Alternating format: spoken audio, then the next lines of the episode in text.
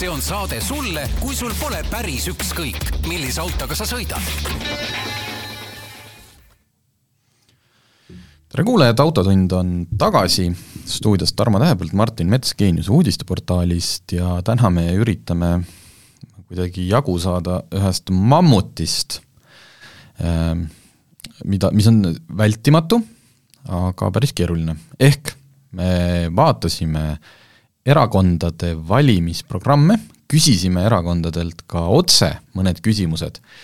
ja üritame siis äh, siin äh, mõned olulisemad punktid välja tuua, et äh, kui te nüüd lähete valimistele vastu, et mida siis meie erakonnad liiklejale ja liikluse ja, ja auto ja kõige sellel teemal lubavad. Pudrumäed ja Piimajõed, võin siin juba ette ära spoilerdada. no ei tea, mina ikkagi äh, otsisin seda kohta, kus, kes see erakond on, kes lubab meile, et tulevad keskmise kiiruse mõõtmise kaamerad meie teedele, et kes selle lubaduse annab välja ja ma noh, ütleme, et ühelt erakonnalt selle lubaduse nagu mõnes mõttes sain, aga ma ei ole ka kindel äh,. muide, me vist sellest ei ole rääkinud, et tegelikult äh, kui nüüd sõidad Riiga, siis seal on keskmise kiiruse kaamera üleval. on, ma rääkisin äh, ühe Läti ajakirjanikuga, kellega me olime ühel autoreisil, millest tuleb äh, saate teises pooles juttu, muuseas ei ole ainult poliitikasaade, et äh, räägime ka ühest väga-väga-väga erilisest autost, ainuke maailmas millega sa sõitsid? millega ma sõitsin. Jah, ta ütles, et on, aga ta nagu kuidagi ei olnud väga traagiline, ütles noh, jah, et see on ju, see on, seal on ja väga pikk lõik see ei ole ja muuseas, ma rutan ette, sest mul võib saate teises pooles äh, meelest minna. Äh, see, miks ma tegelikult autoreisil käisin, oli Opel Astra äh, pistik hübriidversioon, aga seal Hispaanias oli ka, sattusime lõigule, kus oli keskmise kiiruse kaamera. Ja me kasutasime, noh, meil pannakse alati see auto enda navi tööle, et jõuda järgmisse punkti, ja see navi, kusjuures näitas, mis mul, näitas, et seal hakkab see keskmise kiiruse kaamera, ja ta näitas seal kõrval niisugune hetk, nii kaua kui see kaamera kestis, et mis mu keskmine kiirus hetkel on. Mm.. alates sellest kaamera algusest. et äh, seal oli lubatud kuuskümmend ja siis meil ilusti olid need, need viiskümmend viis, nii nüüd natukese aja pärast arvutas, nüüd on sul viiskümmend seitse keskmine, väga huvitav, sest ma ei ole nendest autonavidest kunagi noh, viimastel aastatel ja enamjaolt põhjusega suurt midagi pidanud. sellepärast, et nende kaardid on nii aegunud,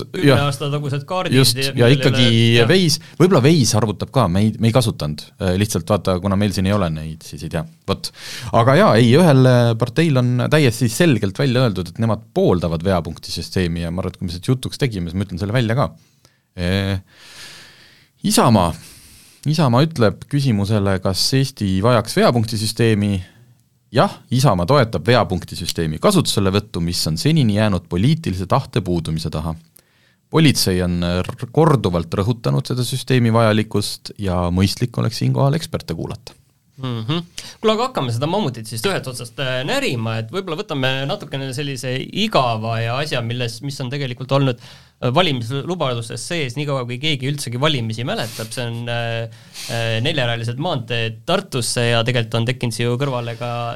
et neljarealised äh, mm, Pärnusse ja Narva. me räägime siis jah, et kasutame, tegelikult me ikkagi räägime põhimaanteed, sest kui sellest räägitakse, siis äh, kõik äh, alati räägivad, kas noh, kõik põhimaanteed, et nagu seda Tartut eraldi välja ei võta, see on kuidagi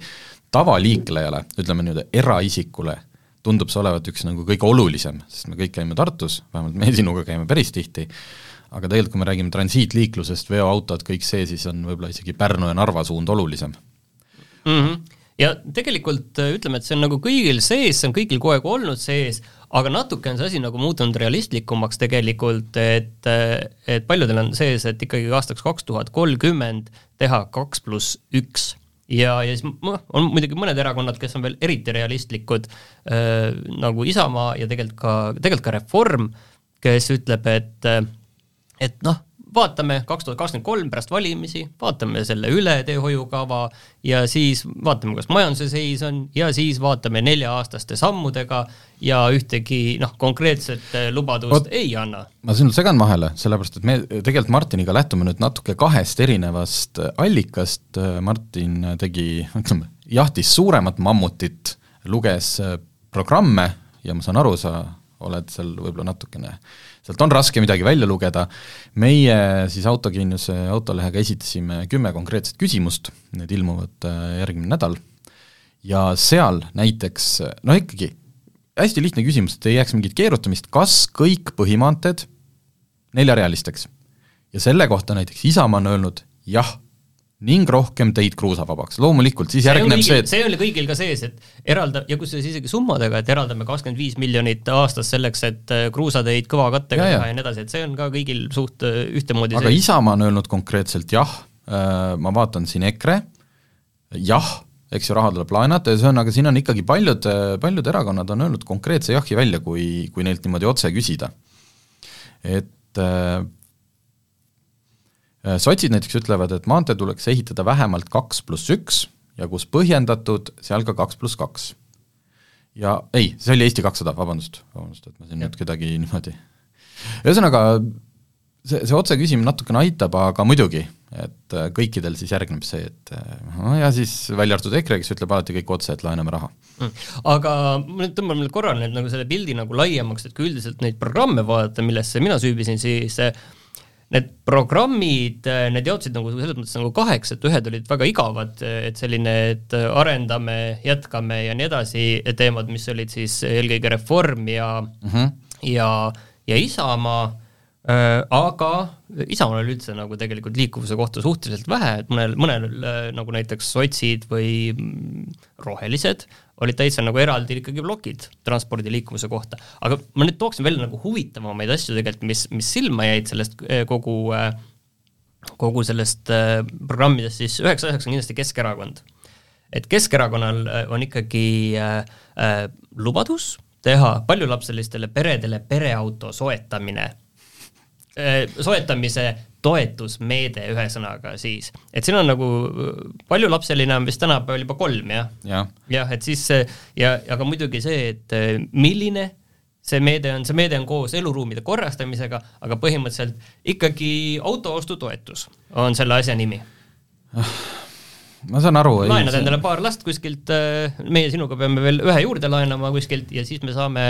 ka endale toetuse. ma kirjutasin üks päev ühe Hyundai linnadžiibi ülevaadet, see oli Santa Fe kalligraafi, ma sõitsin sellega tegelikult juba sügisel, oli jäänud niimoodi ripakile, kus ei ole mitte midagi muud uut peale selle, et tegelikult on see tagumine, et keskmises reas on siis kaks istet ja taga on siis kolmas iste, ühesõnaga sinna kergem pääseda, natuke nagu väikebussides, noh kõik on väga kihvt, ja kusjuures see ei ole nagu mingi väga paljulapselise pere lahendus, vaid seda on vaja ka näiteks kolme lapse puhul. Kui sul on nad väiksemad, need kolm tooli ei mahu kõrvuti, üks peab minema sinna kolmandasse ritta, aga seal majandada siis on jube hea, et seal keskel on, eks ju, see vahe, kus sa saad käia, okei okay. see auto algab, seda saab ka diiselmootoriga, pistikaga ikkagi üle viiekümne tuhande. hakkasin kohe seal, kirjutasin, nojah, et ega noh, et see nüüd ikkagi noh, enamik Eesti perede probleeme ei lahenda mine metsa, kui ma hakkasin vaatama pealt, et mis tuli nagu see, mis selle kolmanda lapse pealt sul nüüd nagu noh, sorry, ma hästi küünis, minul ei ole kolme last, mul on kaks äh,, aga kui ma oleks nüüd niisugune noh, majanduslikult mõtlev ja majanduslikult mõtlev inimene majanduslikult siis... mõtlev tropp, jumal issand, mis unistust autodest, rääkimata korralikest pereautodest, ma saaks tänu sellele, et lihtsalt pere sissetulek suureneb äkki mingi kuuesaja või üle kuuesaja euro nagu. Et noh, et tegelikult selles mõttes ma saan aru, et see on paljudel oluline, ma nagu ei ütle, et riik ei peaks paljulapselisi üldse toetama, aga et nüüd nagu noh, inimesed said kuus või seitsesada eurot lisaks ja siis veel, veel nagu lisaks nagu suure, jah, ma saan aru, see auto ostutoetus peaks tulema võib-olla siis kuskilt mingi, kus on viis last, kus sa pead reaalselt mingit bussi hakkama ostma. Aga nagu lihtsalt, et kuulge, mahub ära küll. Nii, aga üks, üks toetuse meede on veel tegelikult Keskerakonnal, mis on väga huvitav, on see ikkagi, et äh, ma nüüd äh, natukene, natukene seda ise sõnastan ümber, aga põhimõtteliselt see, et äh, koolidesse autosõiduõpe ja riigi toetusega oleks võimalik saada siis B-kategooria autojuhi load juba, kui sa tuled koolist välja, ehk siis täpselt nii, nagu tegelikult nõukogude ajal see käis ja ja, ja mis siis salata, kui mina käisin veel keskkoolis, siis tegelikult meil Seda... oli ka selline programm seal programm kõrval, oli ja aga see pidi kõik täitsa ise maksma. jaa, just, et see oli lihtsalt, et tehti nagu ühesõnaga seda nagu propageeriti, et oldi, et tunnid olid seal koolimajas, siis oli nagu klassiga, noh et kes tahtis, noh tore oli ju klassikaaslastega koos käia, et tehti nagu selline nii-öelda kampaania korras. meil Tartus oli ka see võimalus, aga nüüd siis Keskerakond jah, et ikkagi tahab seda, on välja pakkunud idee, et riigi rahalisel toel see B-kategooria juhiluba saaks ja see teeks kooli lõpetanud inimestest palju teadlikumad liiklejad, ükskõik millist liiklusvahendit. Mis muutus tänapäeval selles mõttes on natuke loogilisem, vaata kui meie ajal olid ju paljud said noh, ma ei tea, kaheksateist ka näiteks lõpetamisel peale suve, noh suvel peale lõpetamist veel ja siis praegult on äh, mina ei tea, kahekümne ühe aastased jalutavad sealt koolist. Päris nii ei ole, aga et äh, tegelikult näiteks minul kohalikus keskkoolis on äh, autokooli õpetaja, on autokooli õpe, kõik see on, gümnasistid käivad, on ju, noh, tegelikult see on nagu kõik olemas kool, jah, aga lihtsalt ega seal kool ei maksa seda kinni midagi, see hind on noh, suhteliselt soodne, on ju, sellepärast et äh, koolil ei ole seal vajadust äh, kasumit teenida, on ju. et, et äh, noh, ma siin nagu seda ei nüüd noh, kas see mõte on hea või halb, see on järjekordne, et noh, külvame raha, eks ju, et noh, kas see peab olema kuidagi kooliga seotud või võib-olla lihtsalt, et mina ei tea, mingi esmategijal, nojah, et kuidas sa siis jagad, et kas hakkad, et kui keegi läheb kolmekümneselt autokooli, et siis no, autolubade toetus, nagu, miks ta vaja nagu on? peaks üldse, pigem, pigem võiks mõelda pigem ikkagi teistpidi, mina ikkagi näeksin seda niiviisi, et et see kohustuslike tundide arv, mis läks nii suureks nüüd, kuskilt just tuli välja, et Soomes on kohustuslike jaa, ma ise, ma, ma, kui ma teg-, kui ma tegin võrdlust äh, autokoolide hinnavõrdlust tegime siin, mis Eestis on, hinnad jäävad siis kuskile seitsmesaja ja tuhande neljasaja euro vahele, hakkasin nüüd nad võrdlema Soomega, sest mul üks autokooli juht ütles, et oi, et Soomes on sõidutunni hind kaheksakümmend eurot, Eestis on see selline kolmkümmend viis ja ja hakkasin vaatama, et jah, Soome, läksin mingite erinevate autokoolide lehele, hinnapaketid, seal hakkavad ka kuskilt tuhande ja niimoodi, aga sisaldavad jah, kümmet sõidutundi mis on siis ilmselt nende järgi, ma sain aru, nende miinimum. jaa, et tegelikult oleks ju Eestis ka mõistlik see, et see sõidutundide arv oleks võimalikult paindlik. ma saan aru, et paljudel läheb vaja kakskümmend tundi ja paljudel läheb vaja veel üle kahekümne tunni ja nii edasi no. kõik, aga on inimesed, kellel läheb vaja kümme tundi, et miks siis noh, miks siis Jaa. neile nagu istuda niiviisi kaela? ma arvan, et me peame jälle tegema endale siin sellise ment-, mentaalse märkme, et seda auto, autoõpet saab tegelikult siin natukene lähemalt võtta mõnes saates. seal on asju, mis, mis võib-olla vajaks veel parendamist. aga kui me siin toetuste juures oleme lihtsalt, siis äh, parempoolsete programm oli äh, liikluse poole pealt ka küllaltki selline Äh, noh, ei olnud seal eriti sellele nagu tähelepanu pööratud, et nende fookus on nagu täiesti mujal, aga nende fookus just oli see, et, et kõik sellised lausalised toetused on halvad ja nendel ei ole mõtet. aga üks huvitav programm tegelikult, kus oli veel selliseid noh, nagu selliseid reaalseid detaile, oli sotside oma ja, ja ne-, ne-, neil oli näiteks, näiteks see, et lisaks veel äh, peale elektriautode toetuse peaks olema ka elektrijalgrataste toetus ja, ja tegelikult äh, neil oli veel, kuskil oli see tõuksi toetus ka, vot ma ei mäleta enam, kellel oli see oli kellelgi kerge jah, et toetus, aga see toetus oli siis see, et äh, mm, oligi sotsidel, et alandame käibemaksu nendel toetel viiele protsendile. noh, siis see käibemaksu alandamine, see on alati nagu selline äh, et Erisus. kuhu see, kuhu see raha nüüd nagu lõpuks jõuab, on ju, et ma saan aru, et töötades ise ajakirjanduses, siis see on väga silmakirjalik äh, jutt, sellepärast et, et ajakirjandusväljaannetel, kaasa arvatud digiväljaannetel on käibemaksumääraks viis protsenti, et äh, aga selles mõttes, et äh, et noh, üldiselt see on nagu väga selline, selline sketši tee, mida mööda nagu minna. võib-olla isegi huvitavam on see, et sotsidel on plaan vähendada äh, lamellrehvide käibemaksu viiele protsendile. et mis sa sellest arvad, see kõlab nagu palju nagu huvitavamalt, aga kas selli-, selli-, aa, see on väga hea nõks, sest siis sa ei saa öelda, et naastrehvi, et me ei teinud mitte naastrehvi maksu, vaid noh, see, see ajaks nagu, eks ju, naastrehvi kasutajad ja maa, maal elavad inimesed noh, kindlasti hästi närvi, aga et me teeme lamellrehvid soodsamaks no see käibemaksu alandamine on ju tööta-, võiks nagu töötada sellises sektoris, kus äh, konkurents on väga tihe, et tegelikult ongi mm -hmm. see viisteist protsenti siis, et sellepärast nagu hakatakse võitlema tegelikult, et seda tõesti nagu reaalselt nagu maha võtta ja neid odavamaks teha, on ju, neid tooteid. et ma ei tea, rehvide puhul see konkurents võiks olla päris tugev, see, see on natukene, noh, mina olen ka, eks ju, pahtunud lamellrehvi pooldaja, aga, aga, aga saades aru, et noh, paljud inimesed nagu ei see on natukene jälle selline näed. ma ei, ma ei oska seda öelda kuidas no, see üldse ära hallata? see, see fundamentaalne küsimus ikkagi natukene, et et palju neid eh, erisusi nagu ja. peab nagu olema jah, et kes siis lõpuks sellest läbi palju... naksab ja aru saab, et ja noh, kokkuvõttes ongi, et, et palju sa siis lõpuks mäletad, palju, palju neid erisusi on ja kus need nagu on ja kas see tõesti, kas see lõpp, selles lõpphinnas ka nagu väljendub, aga noh, vähemalt nagu tore on see, vaata, et nad on nagu mõelnud selle asja peale ja nende detailide puhul on nagu huvitav see tegelikult, et okei okay,, et me võime öelda, et, et seesama äh, lamellrehvide käibemaks, et see ei jõua mitte kunagi mitte kuskile, et see, see, see on nagu selge. et noh, tuletaks meelde nagu eelmisi valimisi ja mis kõike pärast seda juhtus, et, et Isamaal tundus, et need on väga kummalised ideed, mis ei jõua mitte kunagi mitte kuskile ja nüüd on enamik neist ära realiseeritud, et tegelikult kui, kui mõni erakond jääb seal kaalukeeleks, siis neil võib olla tegelikult suur soov äh, mingeid enda neid punkte ära teha, mis on nagu konkreetselt välja toodud, sest äh, noh, nagu me alguses alustasimegi, paljud nagu suured asjad on kõikidel väga-väga sarnased. et noh, see ei ole küll nagu meie teema, et võib-olla kus olid mingid erinevused, oli see, et, et Rail Baltica, et kas see nagu teha või mitte, et mm, et seal läksid ka väga selgelt nagu erinevad teed läksid äh, erakonnad. Nojah, siin äh, EKRE ütleb, et äh, Rail Balticale kind-, kindel cancel ehk et äh, ei tee mingit Rail Balticut, aga selle eest arendame kodu, koduseid maanteid uuesti mm -hmm Äh, aktsiisidest rääkides, siis tegelikult mina panin tähele, et nii EKRE-l kui Keskerakonnal oli selge plaan siis vähendada diisli, bensiini ja gaasi aktsiisi Euroopa Liidu miinimumini. ma pean ütlema, et mul pole aimugi, mis see miinimum on ja mis, mille, palju sellega nagu see hind nagu reaalselt muutuks, aga ma saan aru, et, et seal nagu varu on sinna miinimumini minna meil küll et äh, see, see võib olla tegelikult, ütleme niiviisi, et kui meil on EKRE ja Keskerakond seal ning üks koalitsiooni selge võimalus on EKRE, Kesk-Isamaa, siis äh, see ei ole tegelikult üldse mitte võimatu.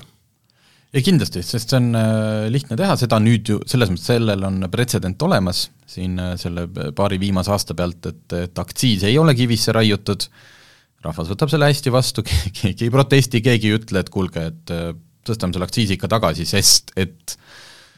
isegi ma ei tea, kellelgi siin ei ole äh, et plaanitud äh, siin Eesti kakssada ütleb, et plaanitud tõusu võiks ära jätta. Reform ütles selle eest, et et ei ole plaanis midagi selle koha pealt muuta. jah, ehk siis jääb ta langetada ka, ei no selles mõttes, selles mõttes see mingi tõus, millest me siin mm. Mart Raamatuga rääkisime ka kaks saadet tagasi, et, et mingi, mingi tõus on seal plaanis, või üks saade tagasi, ma ajasin segamini automaksu osas ma tahtsin kütuste kohta Nii. ühte asja veel öelda okay., selles mõttes, et Eesti kahesaja programmis on selline huvitav lause, et me ei keela kütuseid. diisel võib olla veel pikalt mõistlik ja kõige keskkonnasõbralikum lahendus maapiirkondades. et äh, nii palju, kui mina olen aru saanud, siis äh,, siis kütuste keelamise juurde me tegelikult veel sellises üldises diskussioonis ei ole jõudnud, et diisli peab sellepärast ei jää, jaa, jaa, sest see tuleb ju, äh, need käsulauad on Euroopa poolt, noh et kõik see, mis räägib diisli keelamisest, käib noh, aastaks kaks tuhat kolmkümmend viis, uued autod. Ja uutest autodest, ja mingid aga... noh, autofirmad on ise otsustanud ammu juba, et nad ei arenda, aga seda, et Eestis käiks mingi, küll aga oli Eesti kahesajas, me küsisime ka siis parteidelt, et natuke provotseerivalt, et kas riigiasutused peaks äh, eeskuju näitamiseks aina rohkem üle minema elektriautodele, äh, siis äh, selle kohta ütles näiteks Eesti kakssada, et, et hangetes, autohangetes võiks kehtestada keskkonnanõuded, ükskõik, kas see on siis prügi- või kiirabiauto, ja ta samamoodi lõpetavad, et ka moodne diiselauto võib olla väga keskkonnasõbralik ja selles mõttes neil on noh, me peame sellega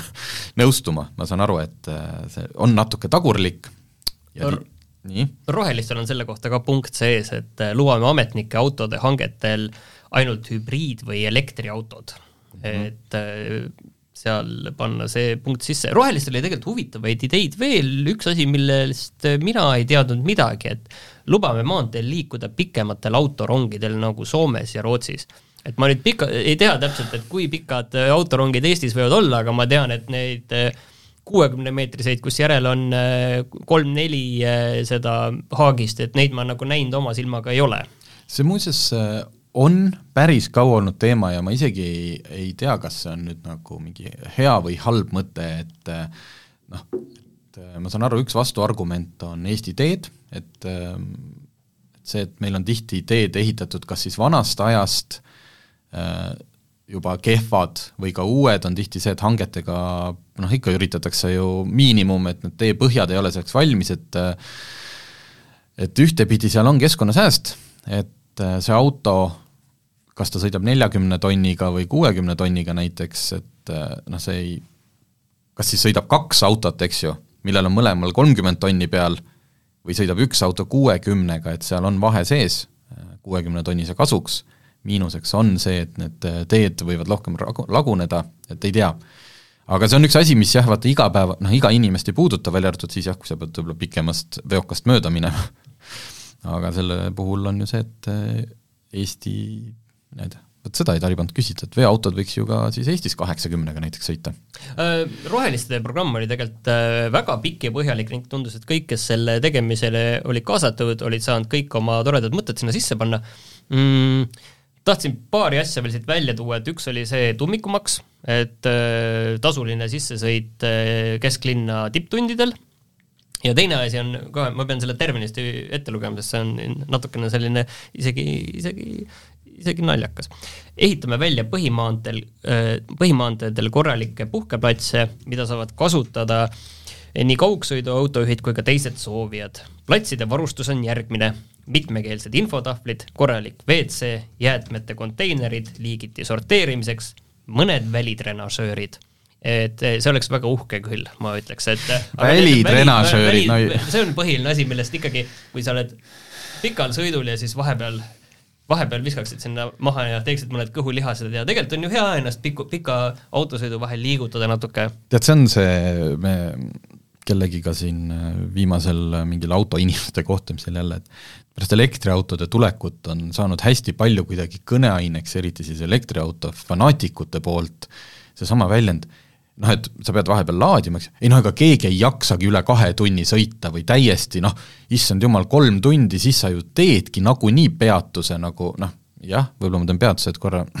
nagu vett lasta või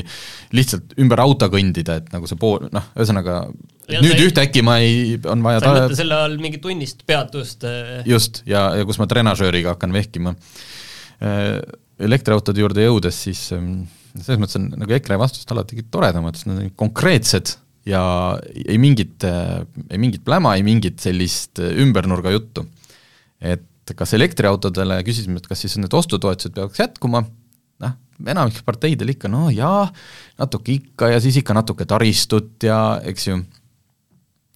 nemad ütlevad, ei pea õigeks subsideerida ülimalt keskkonnakahjulikke ja energiavõrku ülekoormavaid autosid, mis on tavalisest autost kaks korda kallim ja millega sõitmine on eelkõige enda ideoloogiline positsioneerimine see ener-, see on väga, väga huvitavad sõnad olid siin, kõik see energiavõrgu ülekoormamine, et ma saan aru, et see täna veel tegelikult nagu probleem kuskilt otsast ei ole. ei, see ei ole, see ja see ei tule, noh, ta ei tule ka lähiajal probleemiks ja ma ei mõtle isegi see, et kõik see võrgujaotus, et, et siin, ühesõnaga ma arvan, et see elektriautode populaarsus on veel piisavalt kaugel selleks, et tehnoloogia jõuaks järgi tulla, järgi tulla selles mõttes, et hakkavad autod seda, seda koormust jaotama, hakkavad kõik need laadijad ükskõik millist, kas sa paned neid kortermajadesse, hakkavad seda jaotama, see nüüd noh, sellisel kõik, kõik näevad seda nii ette, et tulevad kõik autod, pargivad ära kortermaja alla iga õhtu kell viis, nagu mingis düstoopilises filmis sõidavad ette, igaüks paneb oma rutka külge sinna või selle ja noh, sada kilovatti võimsusega hakkavad laadima, et aga, noh, see ei ole nii. aga ideoloogiline positsioneerimine, et see on tõesti seda, seda ma ei oska isegi nagu kommenteerida, aga selles mõttes, kuidas me ütleme, et E, et roheliselt mõtlemise ideoloogilises positsioneerimises ma arvan, ei ole midagi halba, aga noh, kas see nüüd nagu lõpuni see on ja kas seda peaks nagu okei okay,, ma arvan, et ma isegi ei taha nagu sellesse sellesse diskussiooni sügavamalt sisse minna. aga võib-olla Reformil oli veel üks nagu äh,, nagu üks mõte oli see, et ikkagi äh, tuua inimesi elama raudteede lähedale, et ei oleks vaja maal ei peaks tingimata olema autot, et sa saad rongiga käia, et noh elades maal ja rongijaama lähedal, siis äh, ma julgen ikkagi öelda, et sellest autost ei pääse, et kui minul on ka näiteks rongipeatus on tegelikult äh, nelisada meetrit majast, väga tore käia, aga see kõik alati ei ole nii lihtne võimalik ja teinekord sul on vaja isegi mujal käia. aa ei, seda, võib-olla nad ikka seda ei mõtlegi, vaid nad mõtlevad see, et äh, noh, tahame me või ei taha, ka sina, eks ju, töötad noh, teoreetiliselt ikkagi Tallinnas et kuigi õnneks on olemas välja mõeldud niisugune kodutöö formaat,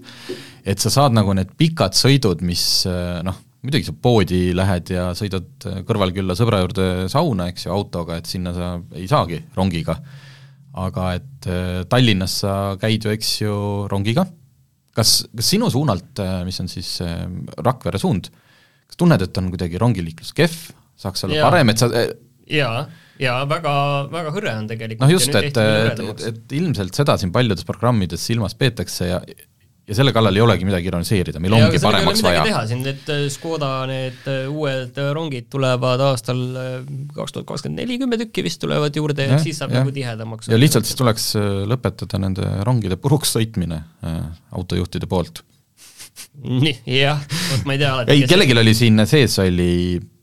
kusjuures väga olulise sõidukohtade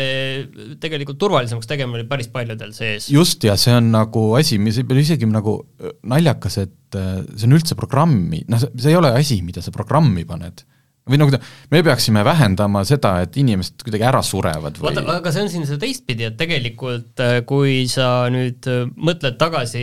enda noorusesse, üheksakümnendate algusesse, siis oli igal sellel raudtee ülesõidu kohal olid enam-vähem, kui see ei olnud päris mingi selline metsavahekoht, kus väga harva üle mindi, igal pool olid ju tõkkepuud, on ju. ja, ja miks enam ei ole? tõkkepuud hakkasid ära kaduma aja jooksul tegelikult. vot see on lollus. ja, ja, ja sellepärast ilmselt on see ka sees, sest siin on see kokkuhoiuosi, siis, siis need raudtee, Eesti Raudtee on kurtnud, et kui nii palju neid sõidetakse puruks, neid ah. tõkkepuid ja nii edasi ja nii edasi, et seal alt üritatakse niiviisi autoga läbi libiseda, et Tüüp. et see nagu kindlasti, no kindlasti on probleem, sest kas või nagu sam-, samas minu kodukohas tegelikult ütleme, et noh, kaks tuhat inimest elab sealkandis, üks suur osa külast on ühel pool raudteed, teine ja, suur osa nagu külast on, on teisel pool raudteed, ülesõidukoht on küll fooriga kõik, on ju, aga tõkkepuud kui sellist seal ei, ei ole. et tegelikult äh, jah, see foor tehti sinna suuremaks, see fooris on nüüd nii-öelda ka see lubav tuli, on ju, see valge vilkuv, noh, okei okay,, see ei ole see on öelda, inimestele hästi keeruline. ei ole õige öelda lubav tuli muidugi, lihtsalt just. see, et äh, just, et see on, tegelikult on, kui sa sõidad maanteel äh, ja tuleb ülesõidukoht ja seal on see valge tuli, tegelikult sul liiklusseaduse järgi kohustus on ka ikkagi võtta hoog maha ja yeah. kontrollida, et rongi ei tule, noh tegelikult on see liikluses üldse kogu aeg mm. nagu, aga aga minu arust see tõukepuude asi, noh, arvestades, kui suurest ohust me räägime, et, et siin just tuli välja see uuring, see oli mingi nelikümmend kolm lehekülge, mis äh, eelmine kevad, kui Tartus Ropkas oli jälle raske rongiõnnetus, kus pilt noh, et eks ikka selline pauk, et äh, see porgand, äh, Elroni porgand oli ikkagi põllu peal ja mitu inimest sai raskelt viga, surma õnneks keegi ei saanud. sellel hetkel selgus, et ei põlenud punane tuli. et noh, siinkohal natuke läheme teemast kõrvale, aga hästi kummaline, et et mis tänapäeva tehnoloogia võimaldab ja kuidas siis on võimalik, et raudteel noh, tehnoloogia, mis on meil olemas olnud üle saja aasta, ei ole nii palju neid äh, turva või back-up, back-up või mis asju, et sa noh, et punane tuli on sada protsenti töökindel. siin oligi hiljuti üks äh, asi, mida ma ise rongis kuulsin, oli see, et äh, mm, siin kadus ära see, noh, muidu rongid on kõik nähtavad, saad isegi Elroni lehelt vaadata, et kaugel rong on ju päriselt nagu äh, on. Äh,, kõik on GPS-id küljes ja, ja rongid äh, ka siis nagu omavahel tegelikult näevad, on ju, kus nad on, ja siis see süsteem oli mingi hetk maas. Ja siis oligi, et kõik suhtlus käis, ma ei tea, raadio teel või mingi, mingi tagavaraside käigus, on ju, aga noh, samamoodi võib minna see, see süsteem sellega, et see rong läheneb ja see hoiatus ja seal on, seal on tegelikult eraldi eraldi mingi andmesüsteem on tegelikult seal taga, mis mhm. sellega tegeleb, on ju, aga samamoodi see võib minna pekki, nagu kõik andme, andmebaasid ja süsteemid. et tegelikult noh, see on üks selline väga, arvestades, et noh, palju neid õnnetusi tegelikult ikkagi on ja, ja noh, ongi, et kui õnnetus on, on ju, siis ongi see, et sul, sul on see saja, saja inimesega vagun on seal põllu peal, on ju, et tegelikult, tegelikult seal on nagu võivad olla ikkagi väga lihtsalt väga karmid tagajärjed ja ja ma ei tea, kas siis tõesti ei ole võimalik neid äh, ülesõite nagu korralikult kaameratega varustada, et kui keegi selle tõkkepuu alt sealt äh, puruks sõidab, et siis Kin saaks selle inimese nagu kätte nagu ja las ta maksab need kinni, noh, mis seal nagu muud võimalik me räägime nagu mitu miljonist maksvast rongist, pluss loomulikult äh, võimalikud inimkahjud, versus see, et neid plastikust äh, tõkkepuid siis äh, mingid kohalikud äh, sepad maha sõidavad, et ei, seda me küll ei saa, võtame nad ära. on ja siis igaüks vastutab selle, noh, noh, Tallinnas sõidetakse foore ka iga päev maha, et jube kallis on neid taastada kogu aeg. Jaa. ühesõnaga, läksime kuidagi aga kõrvale. tegelikult äh, me olime ühe väga suure toetusmeetme juures, mida võib-olla inimesed endale ei teadvusta, on ju, et kui me räägime siin elektriautode ja kõiki nendest toetusmeetmetest, siis äh, tegelikult on ju kogu see rongiliiklus või rääkimata Tallinna ühistranspordist ja, ja muudest transportidest kõik ju tugevalt subsideeritud, et tegelikult äh, riik ju maksab selle suure osa kinni kogu sellest asjast. vot, aga ma ei teagi, on sul veel midagi seal see hinge oli, et kuna me rongide juurde tulime, siis äh, kuna ma noh, natukene ikkagi Eestis on see, et keda sa tunned ja kõik sa tead, eks ju, millist inimest on, mis, mis projekte juba aastaid ajanud, aga, aga imestan, et äh, no see, et Eesti kakssada ajab seda nõudepõhist ühistransporti äh, päris tugevalt, sest seal on inimesed, kes on sellega aastaid tegelenud, ka poliitika, noh, mitte nagu poliitikutena, vaid äh, muul moel, et ka mitmed teised äh, on pannud oma programmidesse selle juba sisse, et ei ole mõtet seal maasektoris, et see kahe- või neljakümnekohaline buss lihtsalt sõidab päevi ja päevi ja veab seda ühte või kahte memmekest või kui on mingi kooliekskursioon sattunud, eks ju, et siis saavad nemad ka sõita, vaid et see asi tuleb lahendada tänapäevaste tehnoloogiliste vahenditega teistmoodi, nõudepõhine ja ma saan aru, et see on hästi palju tööd, sest see memmekene on harjunud, eks ju, teisipäeval kell kümme tuleb tal buss ja ta saab sõita tohtri juurde, aga et noh, kuidas see lahendada ära nii, et see memmeke teaks ka, et äh, ta võib tohtri juurde sõita ka kolmapäeval kell kaks, aga et noh, mitte iga kord see bussi, noh ühesõnaga. mm. -hmm, jaa, et seal on nagu omad nagu äh, mured lihtsalt, et see et see praegune ühistransport äh, hajaasustuses on lihtsalt nii võrratult äh, ebaefektiivne, et sealt tuleb midagi ette võtta. ja kindlasti on see selles mõttes raske otsus, et äh, kindlasti saab seal keegi sellega pihta, et just temale mugaval ajal see buss ei käi, aga, aga noh, see vajalik on, kui me räägime ma ei tea, isegi kui me ei räägi raha kokkuhoiust, vaid me räägime siis sellest samast keskkonnahoiust, et noh, mitu tonni CO2 see bussijuht oma bussiga seal sõidab. ma ei tea,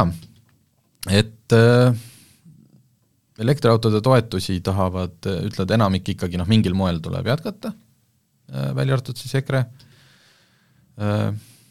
noh, ma ei tea, kokkuvõttena võib öelda vist seda, et ühtegi suurit ja ägedat mõtet nagu kokkuvõttes nagu kellelgi ei ole, et oleks nüüd nagu mõelnud väga palju selle peale, et et noh, Reform räägib väga palju siin ka kogu sellest keskkonnast ja viieteist minuti linnast ja ühe tunni Eestist ja, ja nii edasi, et sellistest need on sellised hästi, ühesõnaga jätame kõrvale hästi need mugavad asjad, mis no, kindlasti ei mahu ühte valimistsüklisse, vaid on selline, et noh, Eesti peab hakkama arendama ja see ongi loogiline, et noh, nelja aastaga sa ei saa kõike ära teha, aga kui me räägime need asjad, mis siis nelja aasta või mis kohe, ütleme, et kui uus valitsus saab asu-, ametisse, et noh, eks ju aktsiisid, et olen välja lugenud, et aktsiise tõenäoliselt keegi nagu tõsta kindlasti ei taha, pigem on meil lootus kas stabiilsusele või keegi isegi on nii julge, et võtab natuke maha. automakse meil ei tule. jaa, ma tuleksin lõpetuseks siis selle keskmise kiiruse kaamera teema juurde, mida me alguses äh, välja reklaamisime, et keegi otseselt sellist asja ei lubanud, aga sotsidel on olemas ei siis äh,, Isamaa ütles, et äh, kindlalt sisse. keskmise kiiruse kaamera aa mitte kes-, jaa, sorry, veapunkti süsteem oli, jah. keskmise kiiruse kaamerate kohta, aga ühesõnaga sotsidel on selline lause, et suurendame liikluskorralduslikke ja juhte abistavate innovaatiliste transpordilahenduste laialdasemat kasutuselevõttu Eestis. et ma ei tea, kas nad suudavad selle ka ise lahti desifreerida, mis see tähendab, aga mina mõtlesin, et võib-olla siis see, see on nagu kõige lähem asi, mis ma leidsin keskmise kiiruse kaamera lubadusele, aga võib-olla see tähendab hoopis midagi muud, aga kahjuks äh, selle kohta me vist ka ei küsinud, et mis see, mis see tähendab, mis need äh, ei, me... me, innovatiivsed, liikluskorralduslikud ja juhte abistavad meil, meil ei olnud jah, meil ei olnud keskmise kiiruse kaamera küsimust ei olnud sees, oli veapunkti selliseid asju süsteem. peaks nagu küsima, tegelikult see oleks hea küsimus, sellepärast et eh, kui nüüd kõik ütleksid, et eh, ei, et ma millegipärast arvan, et neil on suur tahtmine kõik öelda ei ja pärast seda see ikkagi tuleb, siis on nagu, tahaks ikka küsida, et kuskohast see siis tuli mm. -hmm. et, et kust see idee nagu tuleb, te kõik ütlesite ei, aga aga Kes siis jaa ütles? ja Jah. mis me siis kõigist teistest lubadusest peaksime arvama. aga okei okay,, ma ei tea, lähme, lähme auto juurde. Lähme auto juurde. Äh,. auto, ühesõnaga äh, läksin siis äh, mina järjekordsele mm, toredale ja autofirma poolt kinni makstud välisreisile, nagu nad kõik on. See on, selle, selle lahtiütluse ma võin kohe ära teha, et kõik need proovisõidud, mis toimuvad kuskil välismaal, kui me räägime, siis need on autofirma poolt kinni makstud, siin ei ole muud võimalustki, sest et noh, vastasel juhul noh, ei saaks käia no nende ürituste kontseptsioon on ka selline see on, see on nii olnud, see nagu jah, et äh, aga see on ühe pika teise saate teema ja, ja kus me Martin räägime pikemalt, äh, räägime kunagi selle, sellest. selle saladusliku maailma, autoajakirjanike saladusliku maailma räägime ja, mõni teine kord lahti ja võib-olla kutsume ühe okay. teise ajakirjaniku veel külla, aga olin aga... siis äh, seekord Malagas oota, ma lihtsalt ütlen ühe asja veel, sa läksid sõitma ühe autoga, selle auto kohta ma ei näinud ühtegi pilti, ma ei kuulnud mitte midagi. on, on, on pilt on, pilt on üleval, eile õhtul panin ah, Instagrami okay. ikka päris auto. ei, seesama, saate alguses mainisin Opel ära nüüd pane mind raskesse olukorda, see esimene auto sai lihtsalt emotsiooni pealt äh, esimesena postitatud, ühesõnaga äh, Hispaaniasse äh, Opel Astra GSC proovisõit äh,, pistik hübriid, niisugune sportlik, kõik on tore, Opel Grandland oli ka seal. äh,, mis on linnamaastur, aga, aga seda ei osta keegi. aga Astra oli tore, sellest äh, saate lugeda ja, ja oligi, oligi lihtsalt pistik hübriid, mis tähendab seda, et ta kahjuks on kallis. et see on nüüd nagu igaühe enda rahakoti küsimus, aga jõuad kohale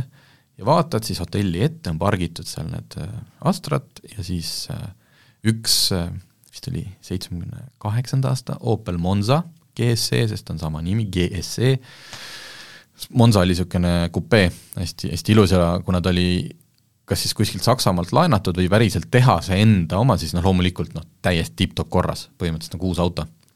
ja siis oli seal üks erkkollane Opel Manta, mida ma tean väga hästi, sellepärast et me oleme autogeeniuses sellest kirjutanud mitu uudist ja see oli kahe tuhande kahekümne äh, esimesel aastal esitletud äh,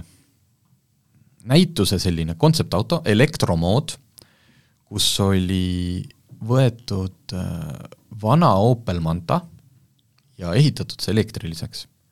ja niimoodi korralikult ümber ehitatud, aga samas, et äh, enamus, enamus detaile ja asju on ikkagi originaalse Opel Manta omad, mitte ei valatud lihtsalt uut kere, et meil on nüüd seal on kolmkümmend üks kilovatt-tundi akusid Äh, seal näiteks kogu see ekraanilahendus on Opel Mokalt, ongi päris ees mm. nagu niisugune see ekraan, äh, ühesõnaga, vaat-, ja jube kihvt on välja. õudselt selline noh, silmapaistev, et äh, kohe tahaks. ainuke, mis mulle ei meeldi, on see väljed, need väljad on maitsetud, nad on samasugused väljad, nagu on uuel Opel Astra, mille all noh, nad ei paista nii väga silma, aga selle auto alla nad ei sobinud ja oh, kihvt, teed seal, käid ümber auto, teed pilte, vaat kus on ta kohale toodud, noh, tark ka, saab ju kõvasti sotsmeediat nagu noh, tähepõld ju ka kohe läks täitsa endast niimoodi välja. käid seal, lokid oma hotellituppa sisse, siis oled valmis, et nüüd võtad Astra võtmed ja lähed teed siis seal äh, mägedes ühe tiiru, siis vaatad, kollane Opel on kadunud. oh, juba viidi ära, no okei okay,, tahtsin ju veel vaadata, eks ju. siis vaatad, seal kollane Opel sõidab niimoodi hoovi mingi žurnalist astub välja, räägib seal juttu ja siis saad aru, et see selline nagu ainueksemplar maailmas on sõitmiseks saadaval. noh, kohe nagu selles äh, multikas, kus äh, hästi kiire jooksukägu Woody sinna selle korraldaja juurde, mina, mina, mina, mina, mina, mina. et kas saab või oli see äkki mingi noh, kellelegi spetsiaal? jaa, jaa, ikka saab jaa, et näed, praegult ongi vaba noh, ühesõnaga ma vist olin selle nagu auto omale selles mõttes erilisemaks või noh, et päris mingi kahe miljoni eurone Opeli tehase direktori auto ei olnud, noh loomulikult ei saanud sellega teha nüüd tund aega mägedes, aga seal hotelli ümbrustel teedel sai. ja noh, esiteks see tunne, et ma sain selle, see nagu Eesti, Eestis natuke nagu autoajakirjaniku traagika on see, et noh, kõik need ägedad mingid kontseptautod ja me ei näe neid sellepärast et eh, noh, näitus messil, kui nad seisavad. just, aga messe pole ammu toimunud, Eesti eh, sinna Tartu motoshow'le aeg-ajalt satuvad, sügisel vist peaks tulema üks Škoda ideeauto sinna. aga no üldiselt ei saa. ja ah,, ja eile oli Riias üks Volkswagen Balticu üritus, kus oli kohal eh, Audi A6 e-tron Avant, mis peaks tulema järgmine aasta, elektriauto, ja siis Volkswagen Space Space Vision kahe Z-iga aga see on see kontseptsioon mingi jaa, aga noh, see tuleb ka müük, see on põhimõtteliselt ka samasugune shooting break tüüpi universaal uh,. lihtsalt palun, palun ärge pange selle auto nimeks Vision kahe, kahe Z-iga, sest see noh, no sa pead kõnetama ka nooremaid inimesi. tead nad esi-, nad muidu nad ei taha autoga sõita. Nad, okei okay,, ma ei lähe sinna, need Volkswagenite üldse autode nimed, aga ühesõnaga, me ei näe ideeautosid, me ei näe kontseptautosid ja siis, kui sa ühte näed, siis sa oled nagu õhinas nagu väike laps, siis kui sul sõita ka lubatakse, siis oled täitsa endast välja ja postitadki pärast Instagrami seda täis. aga mis selle auto puhul oli eriline? ta ei ole tohutult kiire, sest ta, ta ei ole aetud nagu selliseks elektriautoks, et noh, nüüd nagu Tesla Model kolme niimoodi, esiteks sa peaksid noh, kuna vedrustus ja kõik see on ikkagi vana Opel Manta oma, siis sa ei saa panna sinna Tesla Model kolme nagu mõõtu kiirendust ja kiirust parasjagu niisugune äh, umbes kakssada kilomeetrit sõiduulatust, mis on täiesti piisav sellise äh, kruiis, noh, sellega sa lähed ikkagi, ütleme, edvistama. no muidugi võid tööl ka käia, aga no siis sa ei edvista, kui sul see aku tühjaks seal saab. kakssada kilomeetrit on ikkagi vähe uh,. Honda E on kakssada kilomeetrit, Mazda MX kolmkümmend on kolm. peaks olema. ja Volkswagen okay, ID5 okay, talvel on ka kakssada kilomeetrit. ärme sinna lähe. aga uh, mis oli kummaline ja millest ma ei saa lõpuni aru, ma pean äh, nüüd kuskilt leidma mõne välismaa ülevaate, kus on see täpselt lahti seletatud, aga selles autos oli manuaalkäigukast, elektriautos. Äh, ja ta ei olnud nagu mängu mõttes, noh et nüüd nagu mängime siin, vaid see, ta, seal ongi päriselt see Manta neljakäiguline käigukast on ühendatud elektrimootoriga. kuidas see kõik toimis, et ühesõnaga kohalt minnes oli nii, et see tüüp ütles mulle, vajuta sidur alla, pane teine käik sisse. nüüd lase sidur üles. auto veel ei liigu. ja nüüd anna gaasi. siis hakkasime liikuma. aga sõidu ajal käis see vahetamine täpselt nagu päris manuaaliga, et vajutad siduri alla, paned kolmanda, vajutad siduri alla, paned neljanda ja mingi hetk sõites ta ütles, et kuule, et noh, sõitsin kolmanda, kuule pane neljanda peale, et siis mul oli see aku nirutu tühjaks, et ilmselt on seal mingid ülekanded ikkagi mm. on, mis, et kui sa oled suuremal kiirusel, et siis jõud nagu noh, et ta kasutaks yeah. vähem akut, vaid oleks parem ülekanne. et väga huvitav oli sõita manuaalkastiga elektriautoga. kas ma seda autot endale tahaks, muidugi, lihtsalt sellepärast, see näeb nii hea välja. see on niisugune pisike, selline nagu jällegi kõik nagu autofännid, et miks need autod peavad nii hiigelsuured tänapäeval olema, et noh, ma saan aru, miks. turvalisus, turvalisus, turvalisus. Nad on ikkagi võrreldes, kui see GSC, kui see Opel Manta GSC kontsept seal kõrval oli, kusjuures äh, äh, kui ma otsisin, mis me siis sellest autogeeniusest kirjutasime, siis meil on ka üks uudis selle kohta kirjutatud, tegelikult nad plaanivad selle ka tootmisesse panna. aa ah,, okei okay et näis, noh, kas nüüd täpselt sellised, loomulikult ikkagi moodsa, aga aga see oleks päris kihvt. nii et see oli jah, äh, noh, tahaks öelda, et reisi kõrghetk oli Opel Astra GSC, aga tegelikult oli Opel Manta GSC jaa, ma näen, et need väljad on tõesti koledad. Nad ei sobi, nad on nagu selline noh, natuke maitsetu tuuningauto velg, et sul on äh, hästi stiilne, puhaste joontega, minimalistlik, äh, väike sportkupee seitsmekümnendatest, ja siis sinna alla on pandud mingi selline ulmelised mingid tõllarattad, mis äh, noh, ei, ei nii et kui ma selle auto omale ostaks, äh, siis ma paneks sinna alla mõnusad retroväljad. nii, ja nüüd on sul täpselt jäänud äh, kaks minutit rääkida Opel Astrast.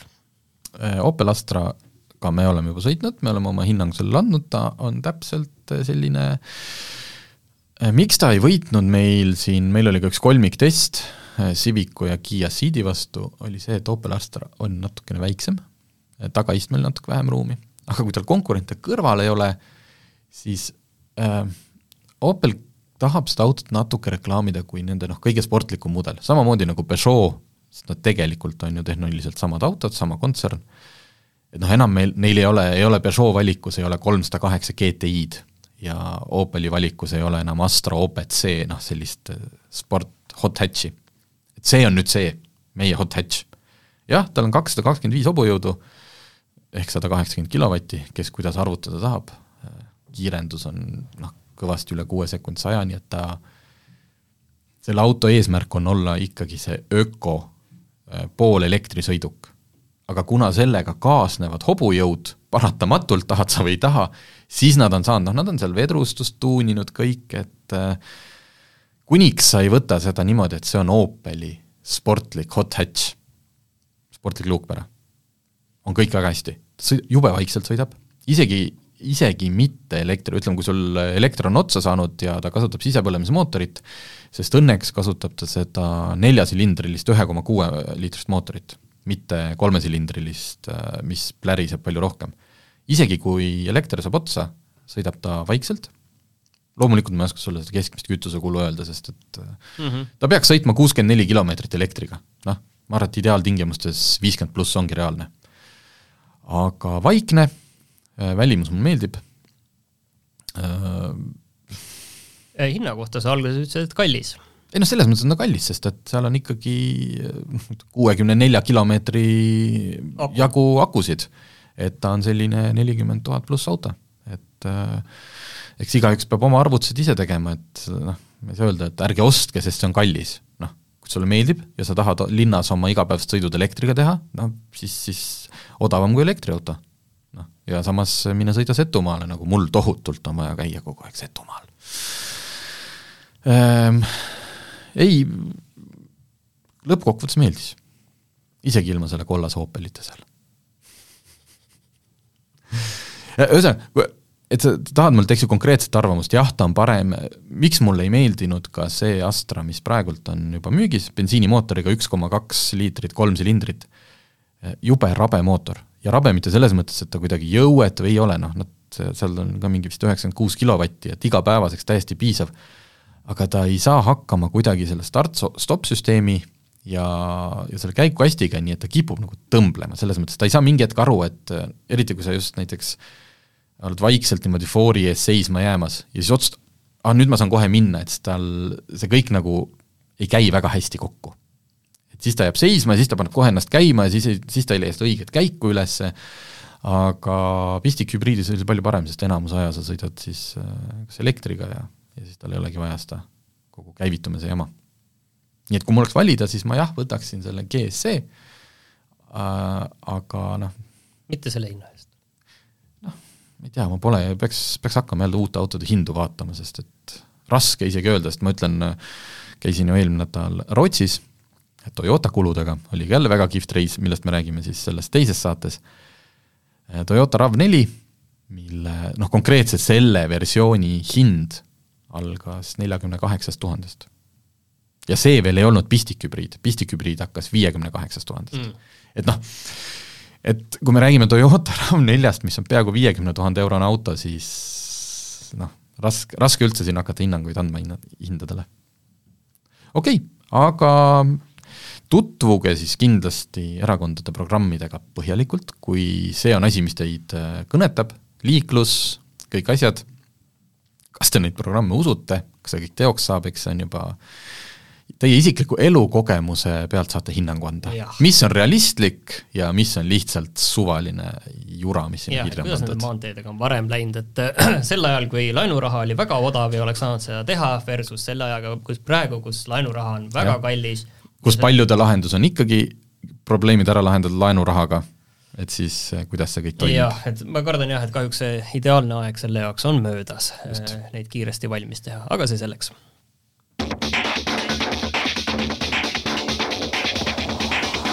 autotund. see on saade sulle, kui sul pole päris ükskõik, millise autoga sa sõidad